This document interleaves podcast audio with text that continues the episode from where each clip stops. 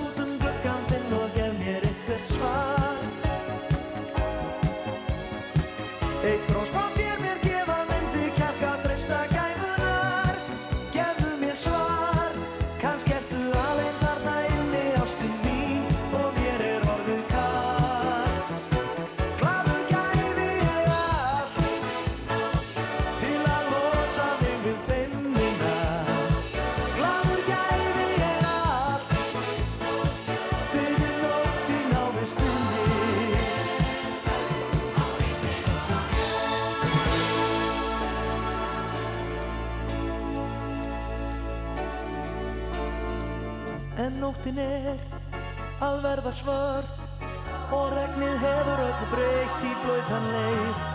Í brústi mér slæð hjarta vart nú læt ég verða að því. Ég býð en einn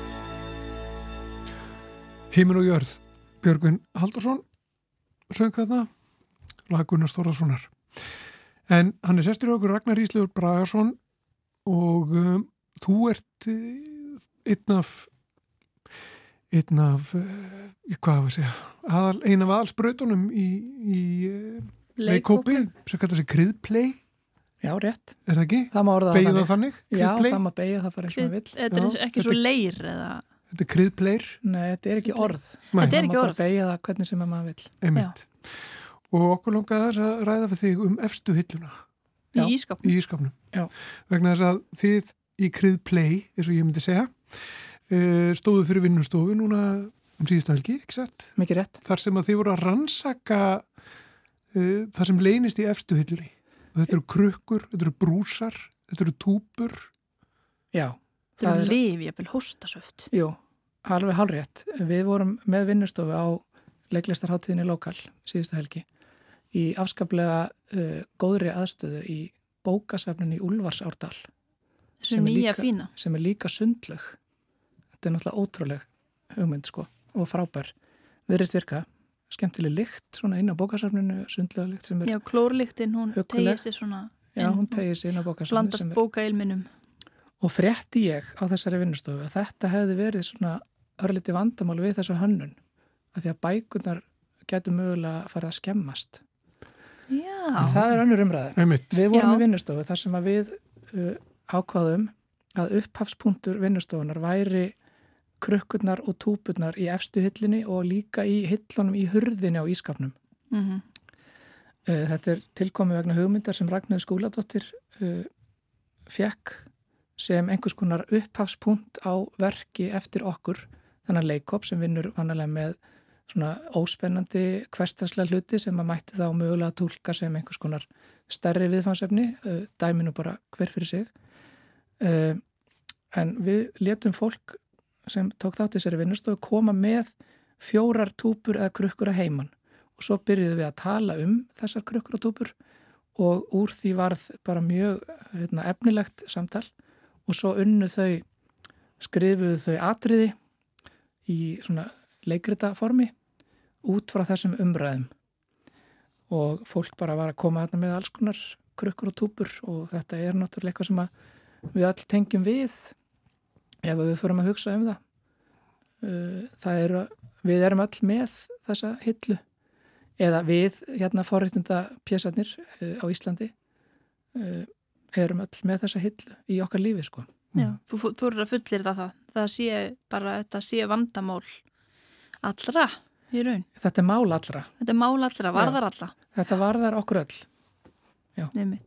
Og hvað svona, sko, nú veit ég ekki hvað þið vildu fá út úr þessu, það að búa til einhvers konar leik, leikrit eða verk, en var eitthvað sem að þessar túpur og, og krukkur og sögur þeirra var einhver sameiginlegur þráður eða voru sögurnar mjög ólíkar?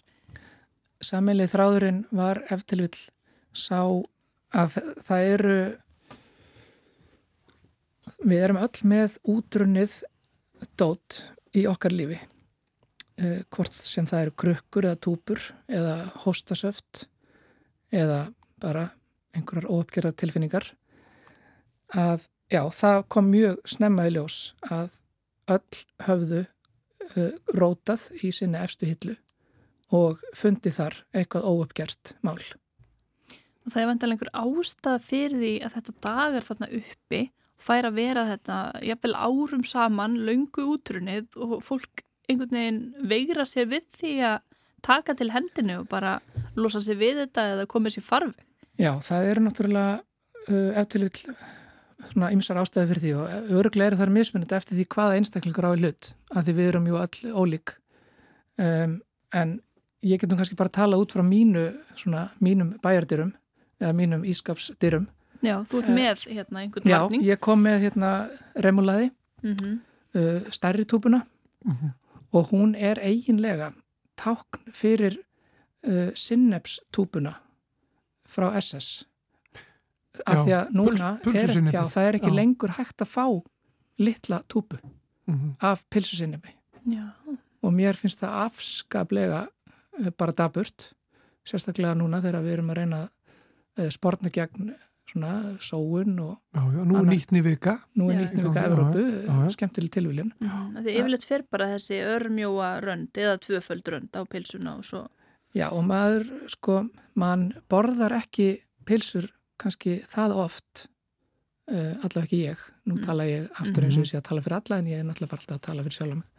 Þannig ég kom með þessa túpu, hún er útrunnin og það er kannski búið svona, uh, hvað ég var að segja, tveir þriðju af henni. Mhm. Uh, þannig að hún er svona, þetta er eiginlega bara svona til að koma því á framfæri talandi hér uh, í opið útvarp að SS nenniði vinsanlegast að byrja að gera litlu pilsusunnef stúbundar aftur Já, og hér er útrunni reymalaði, það rann út 20. september 2023 og það er ennþá upp í ískap hjá mér já, Mhm. uh, en nú hitt ég mann hér fyrir utan sem sagði að það væri allt í lagi að borða þetta mhm. og það er allt í lagi að borða þetta eins og Mhm. tengdamóðum minn sagði, bara lykta Nefn, Já, já. nota nefið ef það er vondlykt þá er það ekki gott Ég, ég tengir svolítið við þetta sko að það er ákveðin hluti af þessu sem að hefur dagað upp í ískapnum heima hjá mér. Það er á einhverju svona gráu svæði. Það er nýlega útrunnið og ég gerir mér einhvern veginn, ég, ég á erfitt með að horfast í augu við það, að ég sé að fara að sóa þessu. Þannig ég geymið að hugsa að ég get alveg gefið þessu nokkra vikur og ég er á eftir að borða þetta en svo hef ég samt aldrei list á því að borða þetta.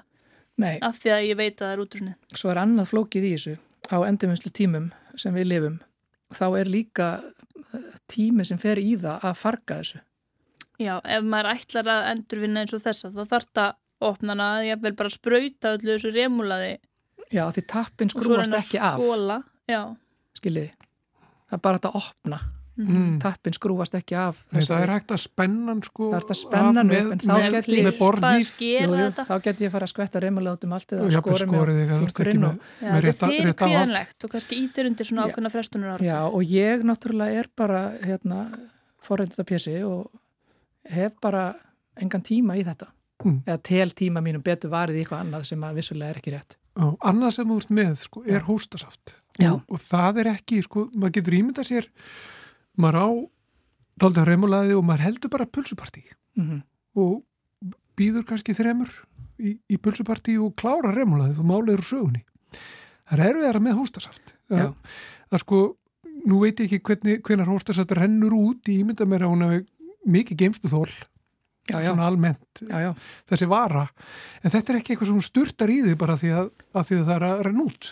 Nei, það geti farið illa í magan til dæmis Já, absolutt og uh, býður heldur ekkit öðrum með þér, öðrum sem eru veikir í kringu. Þetta er svona Nei, þú svolítið heldur ekki- prívat. Nei, þú heldur ekki að sérstaklega ekki á, ekki Á með svona hóstasaft það var kannski einhver önnu tegund hóstasaft Já, var, já. að því sko emmitt það er nefnilega til bara mjög góð hóstasöft hér í bæ, ef að hóstasöft er orð uh, en þetta, þarna var ég uh, ekki nú aðtöðull og ef til vill blektur ég samt svona tek alveg á mig hluta á sökinni að ég kau- kaupi hér krakka fjallagrasa mikstúru, ég ætla nú ekki að segja frá hvaða Mm merkið þetta er framan á þessu lítur þetta bara vel út uh, já, krakka, þetta var hugsað fyrir krakka Mhm.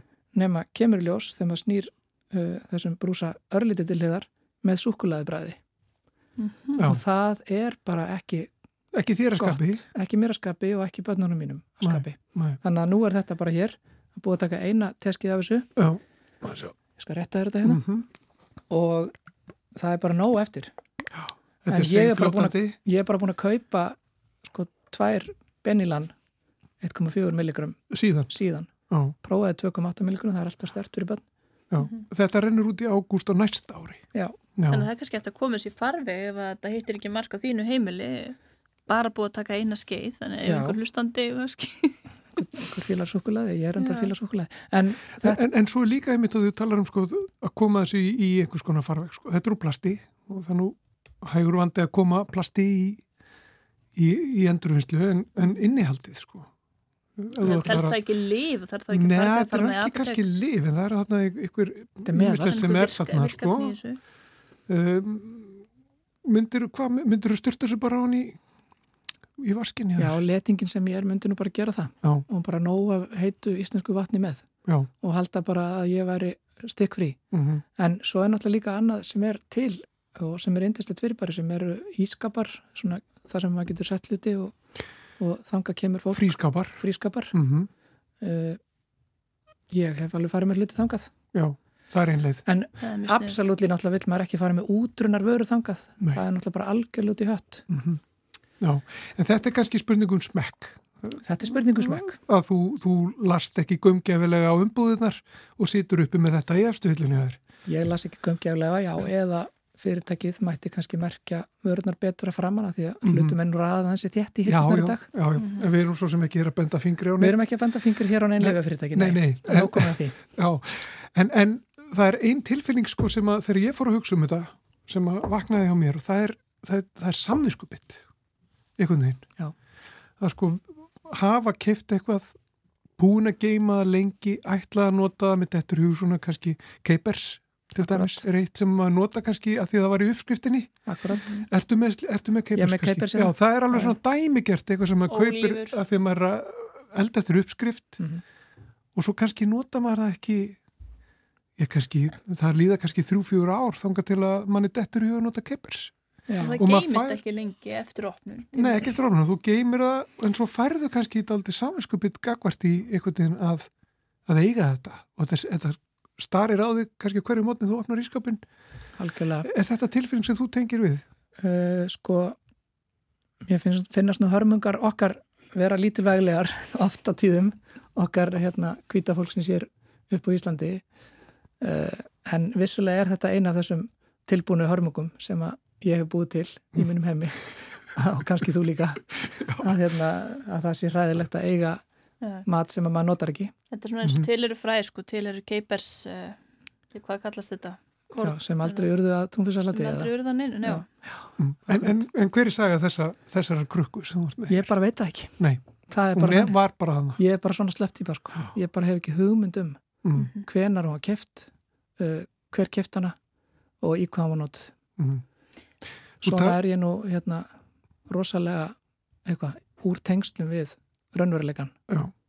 En þú myndist á hana á, á, á uh, þetta geti verið í starra samingi, sko. Já, svona óuppgerðar tilfinningar. Já, ógera tilfinningar, kannski sambönd, mað, hvað veit maður, sko. En þannig er efsta hillan og, og uh, hillunar í, í hurðinni á ískapnum ákveði svona tákn um eitthvað starra og meira eða hvað. já, ég held að ég held að það séu oft ég meina það er ástæða fyrir því að þetta er efsta hillan. Það er náttúrulega oft sem við viljum við erum með höf, höfuð og við erum með hjarta og sál.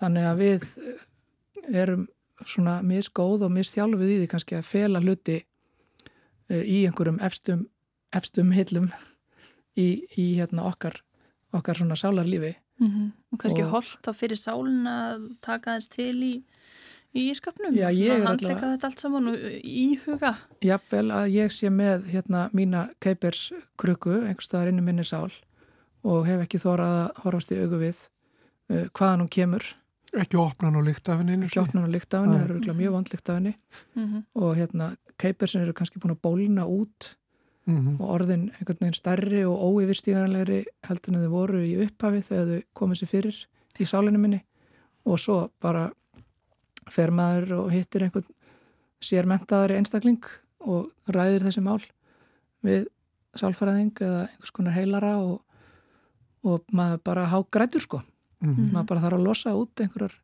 -hmm. einhverjar gamlar hérna, Tæma tilfinningar og tæma úr Dæma krukkurnar Mm. krukkur, já, tár mér Já, en þegar að, sko, þið eru með svona rannsókn, Mhm.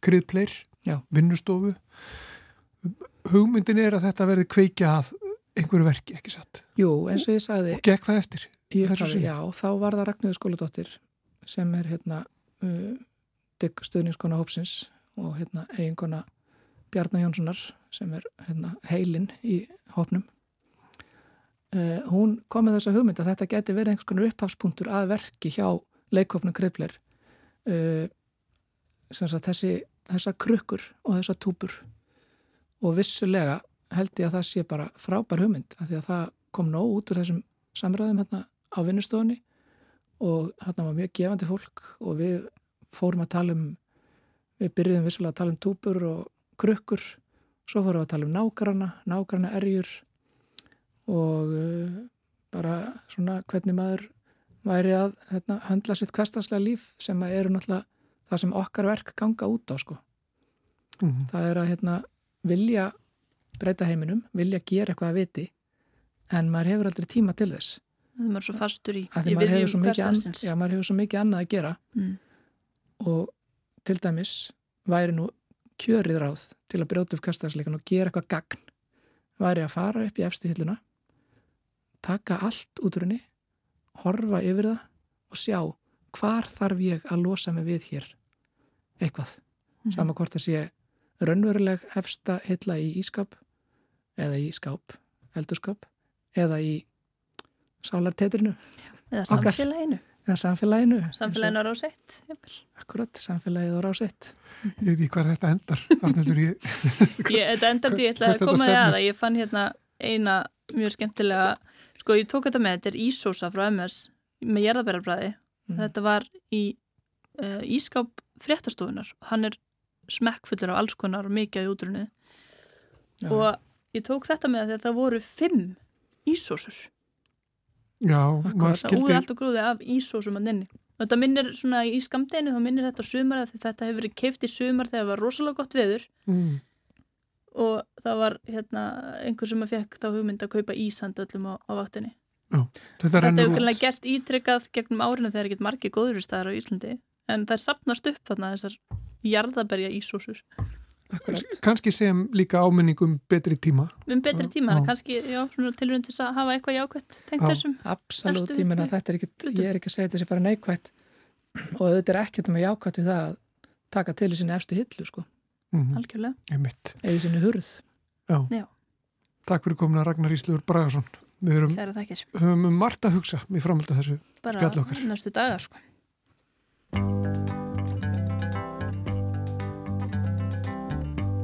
We're caught in a trap. I can't walk out because I love you too much, baby. Why can't you see what you're doing to me when you don't believe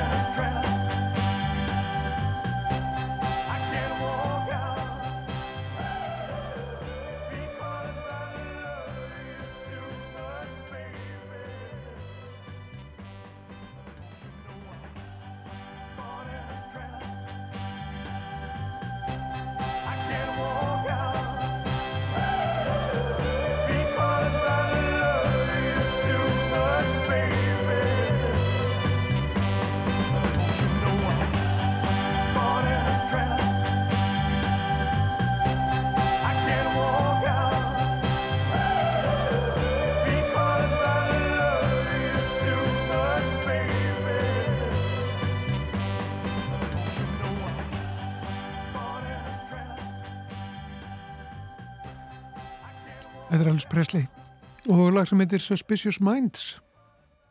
Já, og þá er hún sest hjá okkur hún Ásta Margrét Ásmundsdóttir, efnafræðingur og aðjungt við Háskólan á Akureyri. Og hún er komin hérna með passan af eh, norð, norðurslóða plastmingunar ráðstefnunni stóru um hálsin og eh, ég er bara velkomin í, í samfélagið, Ásta. Takk fyrir það. Er, er, er passin nokkuð í svona plast umbúðum? Nei, nei, Nei. hann er, hann er hugsað fyrir því. Já. Já, hann er ekki En, í en svona bandið er plastpassa. líklega plast, sko. Já, er, einmitt.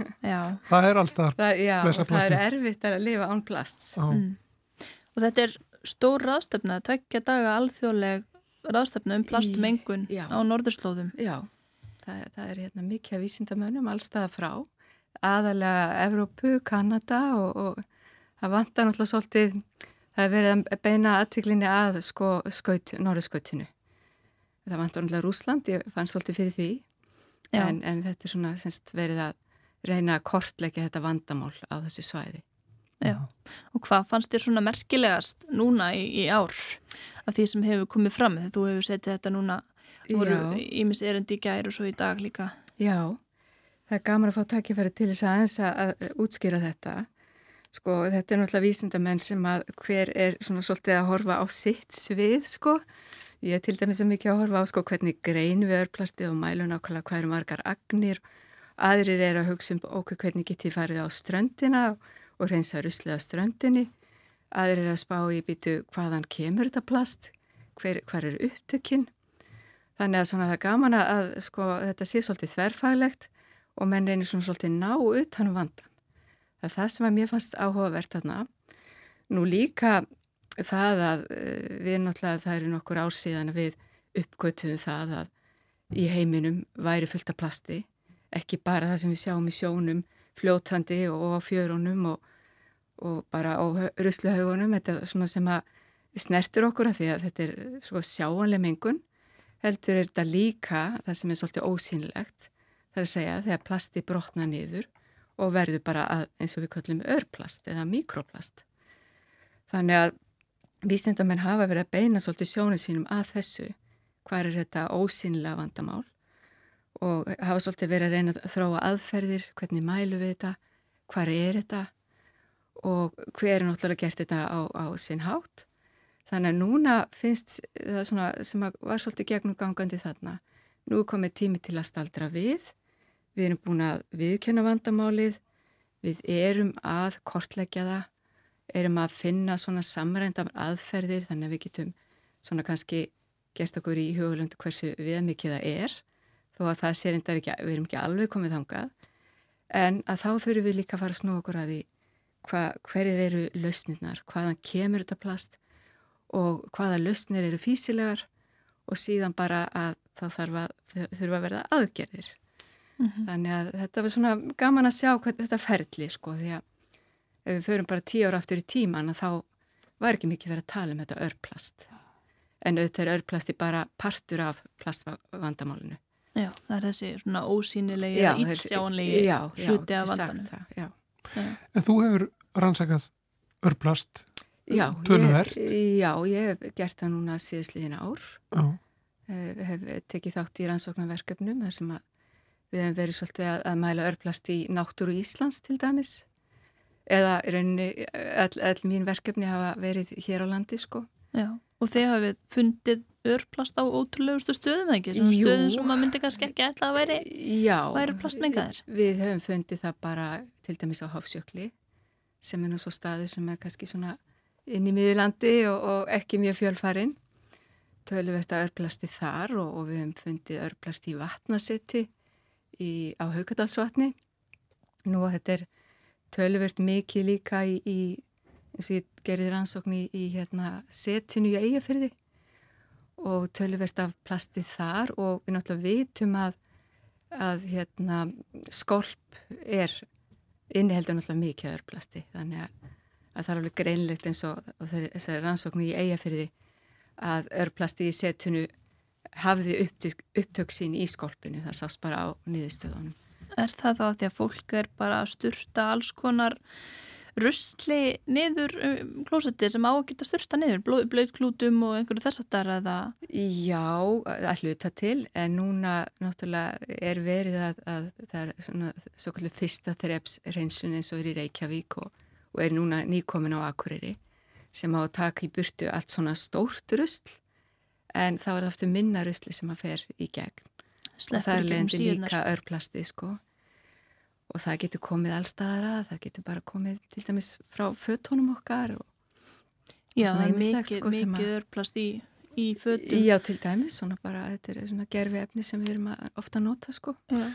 En örplast á hofsjökli, hvernig Já, best það þangað? já, það er Og er nefnilega það bara í ísnum? Bara? Er það Já, já, já, bundið í ísnum? já, það er svona það er nú eiginlega svona viðkjönt og svona talið mjög líklegt að örplastið er að bera svolítið, þetta er náttúrulega létt efni og þetta berst við það bara með vindum og, og svo náttúrulega þegar það rignir og snjóar að þá reynsast þetta svolítið úr loftinu og sérstaklega talaði um að snjó koma sér öflug til þess að reynsa svona mengunarefni úr loftinu.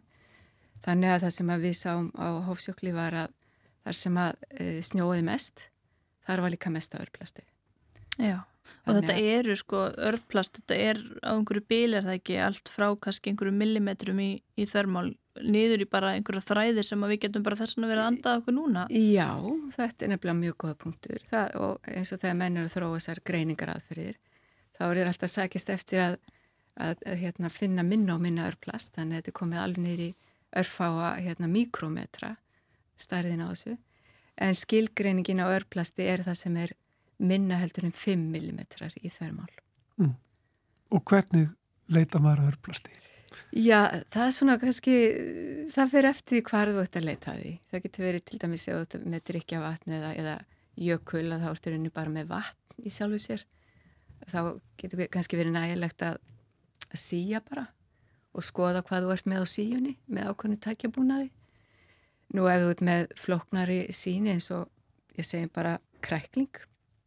Eitt verkefni hérna sem að ég hef verið að vinna núna alveg undarfarið er að mæla örplast í kreklingi hérna fyrir utan skólpreynsistöðin í Reykjavík og þá er það miklu flóknari prósess og þetta er náttúrulega maður þarf í rauninni að eyða öllum vöðvanum Mhm. með alls konar enzimum og, og hérna svona oxunarmiðlum þannig að þú, þú, maður stendur bara eftir með plastið sem að Já, já, það er það sem verður eftir. Já, þetta, þetta er heilmikið sem þú þarfst að gera fyrir sínið en þú getur fara að mæla svona lítið plast. Og var hann mingaður, kræklingurinn, við, við útrænslið? Já, hann, uh, þetta er reynda bara svona, hvað við segja, forrannsókn, þannig að það er erfitt að draga miklar álíktanar að því. En eins og ég sagði á hann, við vitum það að, að, að þessi skólprinsun á Íslandi, hún heldur ekki örplastinu, hún, það fer í gegn, þetta er ekki það mikil hreinsun og ekki það fín síjun og það hafa verið gerða mælingar á því og við vitum að það fyrir mikið hérna út hjá klettagörðum og ánánustum. En við vitum að svæðið meng, eða fer mikil mengun hann út í.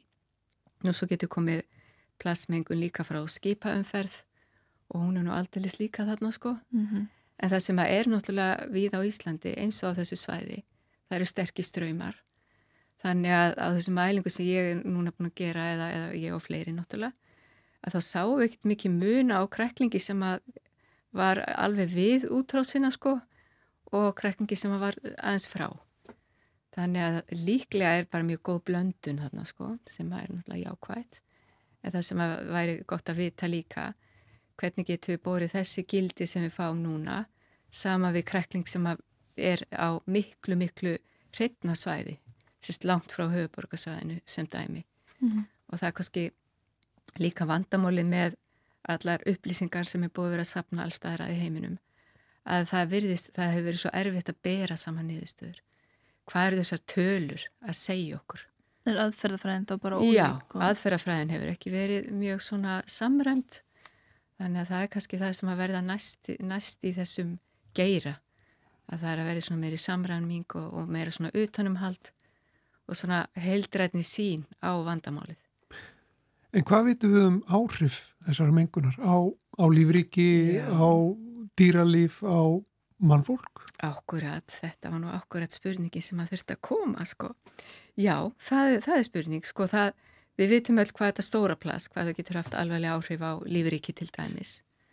Það er svo mikið sem að endar í sjónum til dæmis og, og þetta getur mjög skadilegt dýr og þau geta bara fest þessu og það er mjög mikið af náttúrulega netum, fiskinetum sem að er á, á, í sjónum, bæða botninum og yfirborðinu. Já, maður hefur séð myndir af, af fugglsmögum sem hafa verið fullir af já, alls konar litriku gilnilegu plasti. Þetta eru gilduru fyrir dýrin og þau deyja bara, þau festa sig þarna.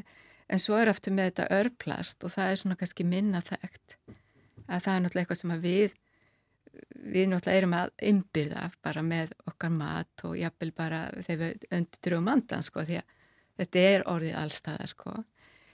Það kannski með áhrifin er ekki svo mikið vitað í sjálfu sinn nema það er vitað að plast er ekki bara plast. Það inniheldur alls konar viðbótarefni og þegar plastnið er að brotna niður í minn og minni einingar og þá leka þessi viðbótarefni út. Og það er líka þau sum þeirra eru hafa, það, sko, hafa ég geta hugsanlega verið krabbminnsvaldandi þó ætli, ætli ekki að fara eitthvað að, að ræða fólk en, en en þau eru svona talin geta verið skadleg þannig að það er eitt sem að menn hafa áhyggjur af. Nú svo er líka kannski eins og við hugsaum bara um sjóin að örplast í sjónum það kannski dreyur að sér örverur og plasturust getur líka verið bara svona habitat eða heimili fyrir alls konar lífverur sem að kannski þá ferðast á milli búsvaða með plastinu þannig að þetta rugglar svolítið í ah, sko kannski lífræðilegum fjölbreytileika eða mm -hmm. þrátt, svona, þannig að áhrifin geta verið margvísleg og þetta er náttúrulega svo óbáslega stórt mál. Já og sér ekkert fyrir endan á þessu, það er enda bara nóga plast í umferð sem að brotna niður í þetta örplast og það ekst er það ekki álægið út af þessu? Jú sko það er alltaf, plastframleyslega ekst alltaf tölvert mikið ár frá ári. Og það má heldur ekki gleyma því að plast er alveg frábært efni. Og við munum ekki geta held ég lifa þessu lífi sem við lifum núna á þess að hafa plast. Það er bæði létt, þetta er ódýrt efni og hérna þannig að það hefur óbúslega marga kosti og þetta er mikið náttúrulega að nota bara í já bara út um allt í, í teknikeiranum, í heilbriðisgeiranum og, og náttúrulega bara daglega já, hjá hverjum að einum sko Mm -hmm. En við þurfum bara að líti krigum okkur hér sko, það er já, meir og minna, meir og minna sko. plast. Já. Já. Þannig að við erum ekki fara að hætta að nota það, en við þurfum að læra að nota það og við þurfum að læra að ganga frá því þegar við erum hætta að nota það. Mm -hmm. Og er einhverja lausnir, þú talar um þess að síur er hægt að fá einhverja svona, einhverja filter eða síur sem að grýpa örplasti til dæmis úr, úr frárensliskerfinu? Já, það er gert mjög víða og hérna það þarf svona svolítið fullkomnan reynsubúna til þess að gera það að því líka við erum að tala um litla ragnir en það er mjög víða sem að það er gert það er mjög fullkomnar reynsistöðvar víða en, en annar staðar eru það ekki en mm. hérna já ég, hérna en eins og ég segi þetta plastvandamál það verður og það er það sem við þurfum kannski að hugsa svolítið um að leysa þessa mengun uh, þar sem að hún byrjar sko, eða það er, það er að segja ráðast á vandamalli þar sem að það byrjar Já. og þá kemur svolítið mikið af því bara hvernig eru við að hegðuð okkur svona dagstæðilega hvernig umgangstu eru við að flokka rusluð okkar og allt þetta mm -hmm. Og bara þetta er náttúrulega ekki bara einstaklingurinn heldur líka bara samfélögin sem þurfa að, að passa upp á þetta og það er kannski þar sem við þurfum að, að einblina á vandamálið örplastið er komið til að vera því að e, þegar það er einu sinni komið út í náttúruna þá er alveg óbúslega auðvitað að ná því burtu. Við getum gert svo margt, við getum passað upp á hvernig við höfum okkur og samfélagið hafa sér í sambandi við rusl og við getum reynsað upp rusl sem er stórt og mikið af ströndunum og af landinu og þar allstaðar. Örplasti aftur á móti er bara eitthvað vandamál sem að þá er þetta bara komið á það steg að við getum ekki ráð við það. Mm. En við getum með því að hérna, passa upp á stóra ruslið, komið þá meiri veg fyrir að það brotnu niður og, og verði framtíðar örplast. Já, og vonandi að finnist einhver svona heilstæði laust, þannig að þetta er svona aðeins minka magn þessa örplasts. Og einhvern að tala um bakterjur sem að myndu kannski bara nærast á því. Já, það, það eru ímsa rannsóknir í gangi. Já, það eru ímsa rannsóknir í gangi með í sambandi við það sem er mjög áhugaverðu vingil nú svo er þetta hérna, plast sem að brotnar niður hratt. Þetta bioplast eða, eða svona lífrænt plast og, og það eru alltaf kostur og kallar við allar þessar lausnir sko. En þessi skiptir kannski máli er bara að fólk þó vandi sér mikill gefist ekki upp á honum því að þetta er alveg viðráðanlegt og þetta er svolítið í okkar höndum. Þannig að hérna Nú bara hefjast handa og samræma aðgerðir. Já og, og það er svona ráðstefna líka hún fyllir mann svolítið svona vonum að ok, það er svo margt þetta að gera sko Takk fyrir að spjalla við okkur um, um plastmengun á norðurslóðum Ásta Margret Ásmundsdóttir efnafræðingur og aðjónt við Háskólan Akureyri. Takk fyrir að fá að koma.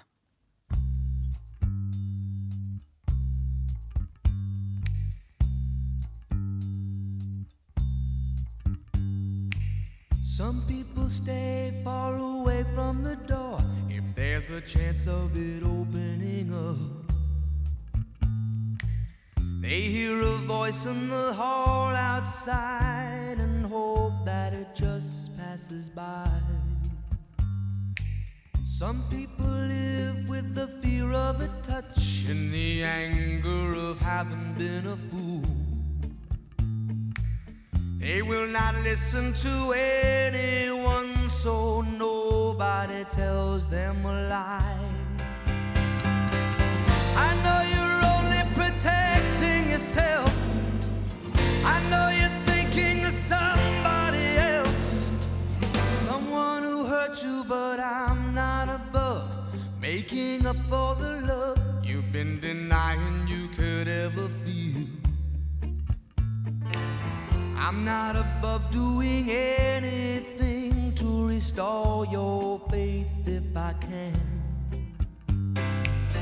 Some people see through the eyes of the old before they ever get a look at the young. I'm only willing to hear you cry because I am an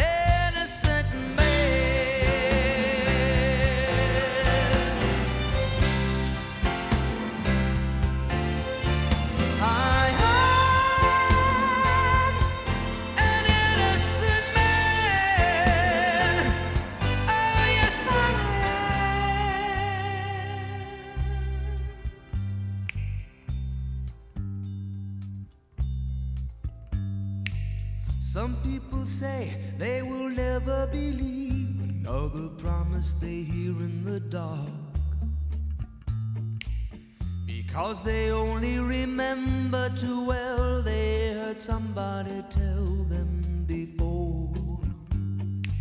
Some people sleep all alone every night instead of taking a lover to bed. Some people find that it's easier to hate than to wait anymore.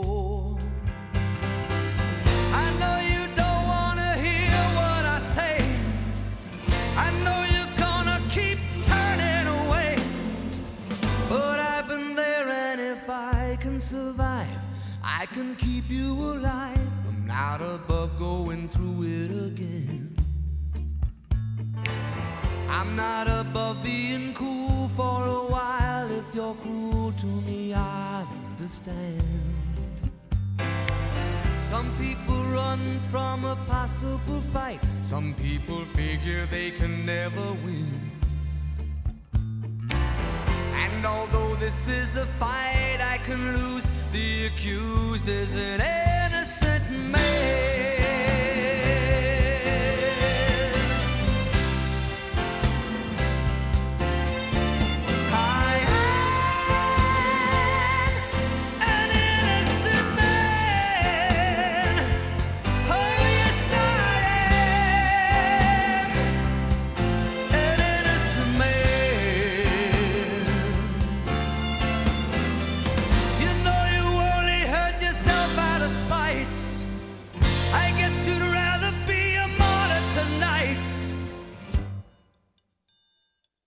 That's your decision, but I'm not below anybody I know. If there's a chance of resurrecting a love,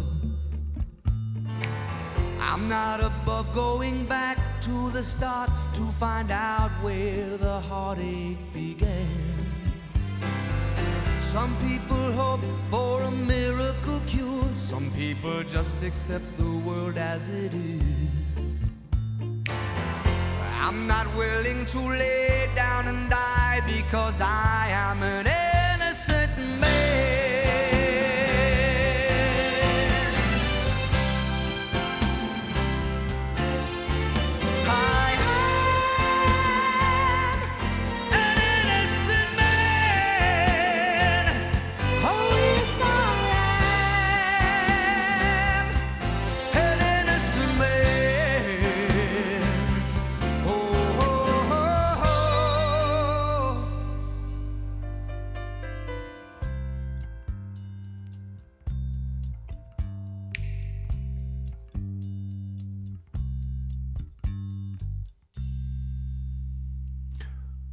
Billy Joel sem að lísti yfir sakleysi sínu þarna í þessu lagi en Innocent Man heitir þetta lag. En við ætlum næst að heyra umhverjus pistil. Það er Bára Örk Melsteð sem að tekur við. Í umfjöllunum umhverfsmál er oft talað um að bjarga jörðinni en óvist er hvort að jörðin þurfa á bjargvætti að halda.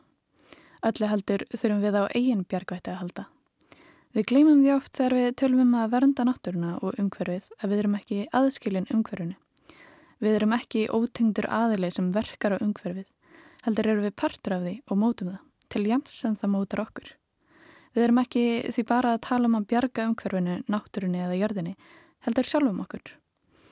Almannur hugsunaráttur enginnist eftir vil af tengslarófi við náttúruna. Hvernig á manna að þykja væntum einhvað sem mann þekkir ekki? Í nútíma samfélagi okkar höfum við fjarlags náttúruna. Við lifum í stórborgum og erum svo upptekinn að við gefum okkar ekki tíma til að staldra við. Jafnvel inn í stórborgum. Það er sjaldan í hraða teknialdar að við höfum tíma til að vera til staðar og ígrunda það umhverfið sem umvefur okkur.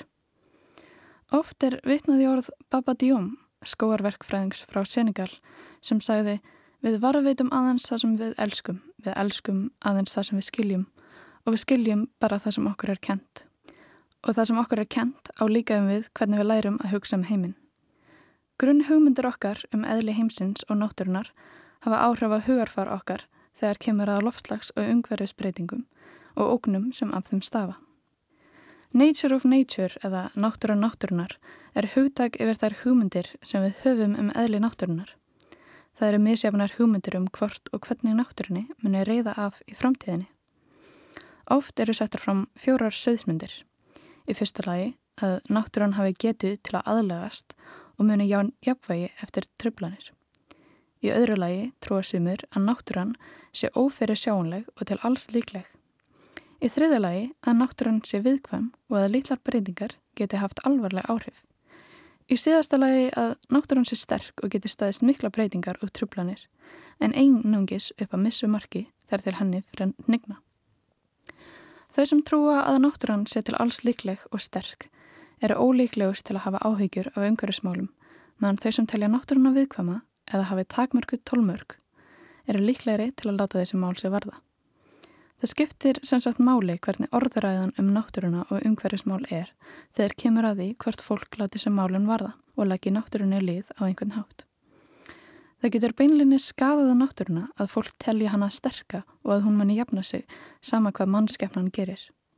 Ef til vil er það líka óskhyggja og sjálfsköpu blindni að trúa því þar sem það krefur okkur ekki um neina breytingar á högum okkar og neyslu. Hvað er hægt að gera til þess að fólk láti sig náttúruna varða og breyti neyslufinnum sínum?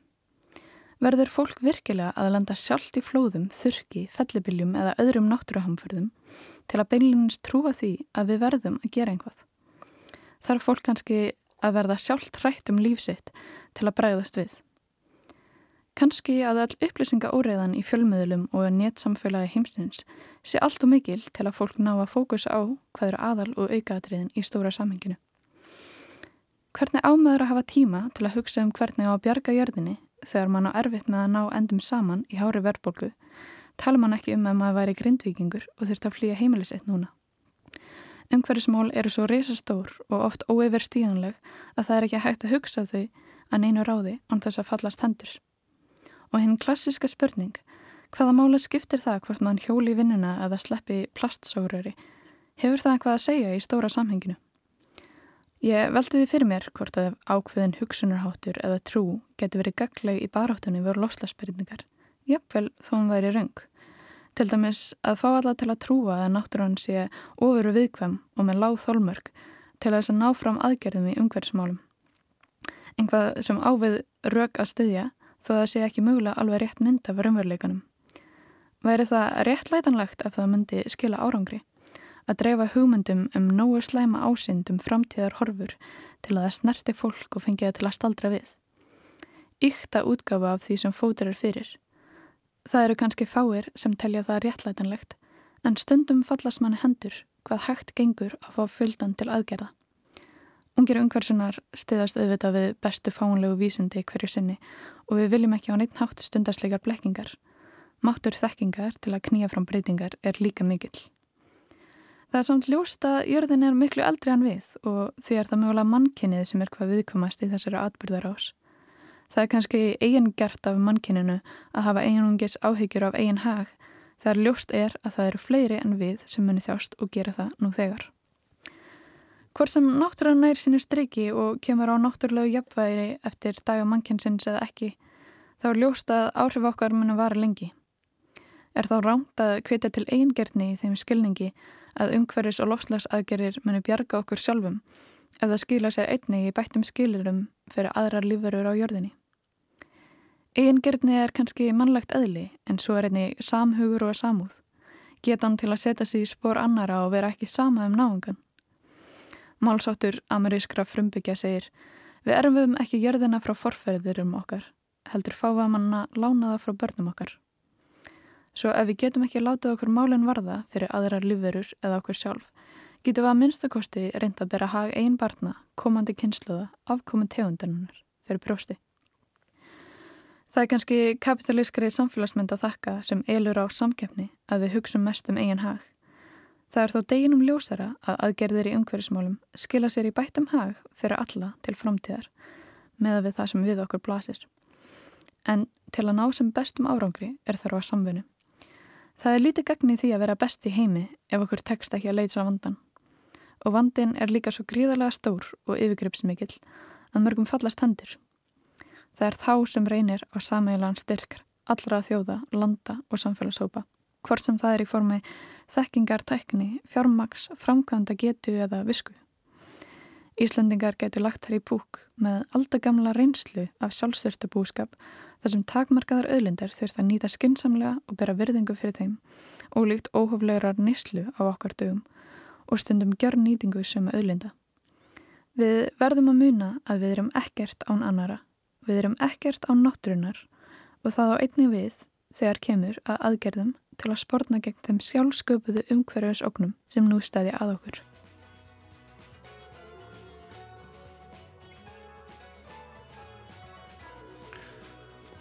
Þetta var Bára Örk Melsteð, ungur umhverfisinni með sinn umhverfispistil. Og með þeim pistli lúkuðu samfélaginu þennan fymtu daginn. Já. Það er ólegt veðrið núna. Það er miklu, miklu betra veður í dag. Allavega hérna á Suðvesturrótninu virkilega fallegt vetrar veður, snjór Fallegt um að lítast og sólun skín. Já, en við heyrumst aftur á morgun. Gerum það, heyrumst þá, verið sér